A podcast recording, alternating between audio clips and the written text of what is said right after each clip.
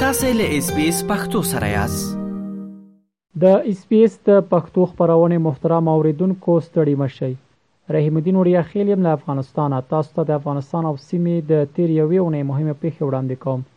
هیله ده چې تر پایه مې ملتیا وکوي د طالبانو د امر بالمعروف او نهی عن المنکر وزارت تیره اونۍ په خپل یو تازه اقدام کې د پلازمینې کابل خلکو ته جدي خبرداری ورکړ چې د لمانځه په پار جوماتونو ته حاضر شي. دغه وزارت په یو خبرپاڼه کې چې پنځه مادې یې درلودلې،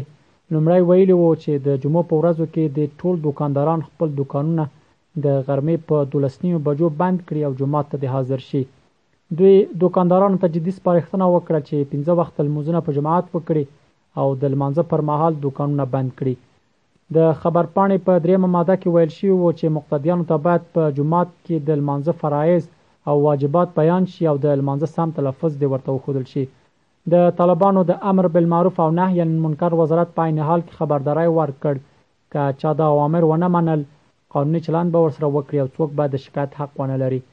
طالبانو په خپله لومړنۍ دوره کې هم دې ته ورته اقدامات عملي کول، خو په وروستیو کلونو کې ویلي وو چې نور د پخوا په شان سخت دریځه نه دي او که واک تر لاسه کړي د پخوا په شان به له زوره کار وانه خلي. خو په تېر یو کال کې طالبان هماغسې تګلاره په تدریجي ډول عملي کوي چې د حکومت په لومړۍ دوره کې اجرا کړې وه.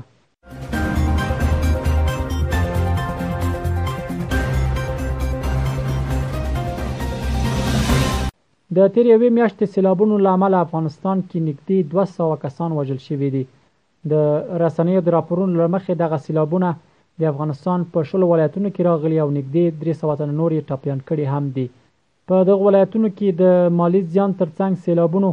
زرګونه کورونه نړولي، په زرګونه جریبه کرنیزه ځمکه او کرنیز حاصلات یې هم تخریب کړي دي.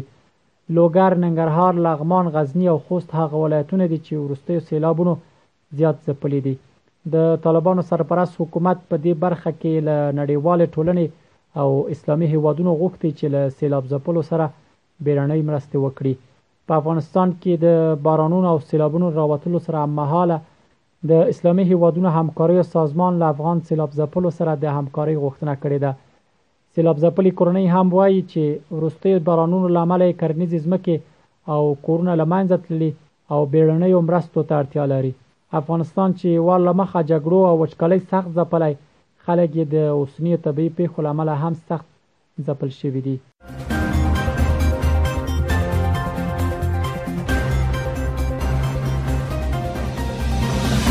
د ملګرو ملتونو امنیت شورا غړي د دیارلسو طالب مشرانو د سفرونو د معافیت د پریکړې په اړه لا هم اختلاف لري. تمه وه چې د تیرې اونۍ د دوشنبې په ورځ امنیت شورا د دې دیارلس طالب مشرانو د سفرونو په اړه خپله وروستۍ پریکړه وکړي خو د هغوی ترمنځ د وېشلو دریځونو دا پرېکړه یو ځل بیا وځنډوله. فرانسې خبري اژانس تېره اونۍ د یو شمېر ډیپلوماټانو له قوله لیکلي وو، ځینې هېوادونه دې ته لېوال دي چې په دې نوملړ کې کموالی راشي. چین چې د ملګرو ملتونو امنیت شورا دورهیي مشري کوي، له روسیې سره یو ځای غواړي چې دا ټول طالب مشران د نوي ورځو لپاره اجازه ولري چې د قطر په ګډون د سیمې هېوادونو ته ازاد سفرونه وکړي.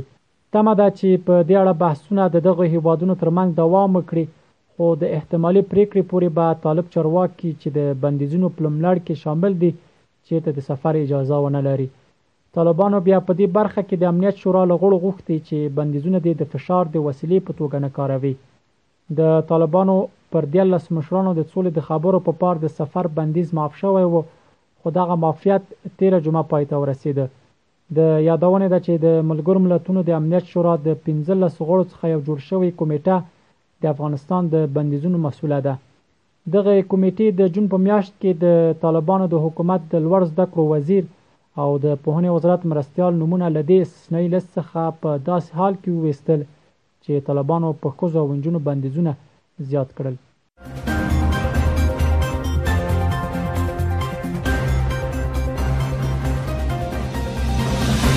د بخښنې نړیوال سازمان تیر اونۍ په یو لیک کې یو ځل بیا د طالبانو له حکومت څخه وغوښتل چې د بشري حقوقو نقض پای ته ورسوي یاد سازمان په دې لیک کې ویلي وو نه یوازې دا چې طالب چارواکي د خلکو په ځانګړي ډول د ښځو د حقوقو تامین په برخه کې په خپل ژمنو کې پاتې راغلي بلکې تاوتریخوالی نور هم زیات کړی دی. د دغه سازمان په خبره، طالبانو په تېر یو کال کې له بشري حقونو څخه ملاتړ، کلیدي بنسټونه په سیستماتیک ډول منحل کړي او د بیان ازادۍ، مدني حرکتونو او د افغانستان د ټولو وګړو حقوق یې تر پښو لاندې کړي دي. د بښنې نړیوال سازمان په دې لیک کې همداراز راغلي ول چې طالبانو په دغه موده کې د افغان ښځو او نجونو اساسي حقوق سلب کړي ګڼ افغانان په خپلسرې توګه بندیان، شکنجه، ورک شوي او حتی وژل شوي دي. د بښنې نړیوال سازمان لیک کې دا هم راغلي ول چې اوس مهال خبریالان، د مدني ټولنې فعالان، د بشري حقونو مدافعین، هنرمندان، محصلین او په ځانګړي ټول قومي او مذهبي اقلیتونه په دغه هیواد کې له ګواښ سره مخ دي. د بښنې نړیوال سازمان له ټولو اړخونو غوښتي چې دغه لیک لاسلیک کړي. د تېر یو کال راپدیخوا پر افغانستان د طالبانو تر حاکمیت وروسته د نجونو تر شپږم پورته ټولګي د نجونو پر مخ بند شوي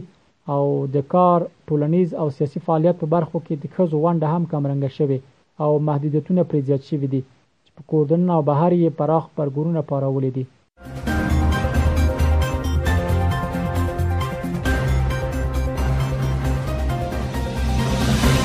د دې اونۍ د پای موضوع هم ده چې ملګرو ملتونو تېره اونۍ راپور ورکړ چې افغانستان کې نولس میلیونه خلک له لوږې سره مخامخ دي چې په دوی کې شپږ میلیونه هغې بیړنیو مرستو ته اړتیا لري.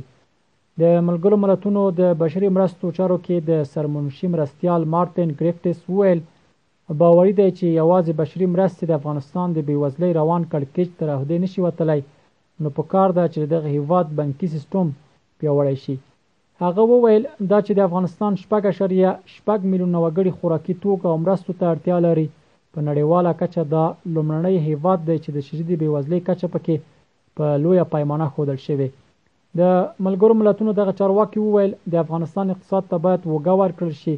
بانکي سیستم یې پیاوړی، بېرته فعال او له نړیوال سازمان سره ونښنول شي. تر دې وړاندې په افغانستان کې د ملګرو ملتونو د سیاسي استازولۍ دفتر ویلي وو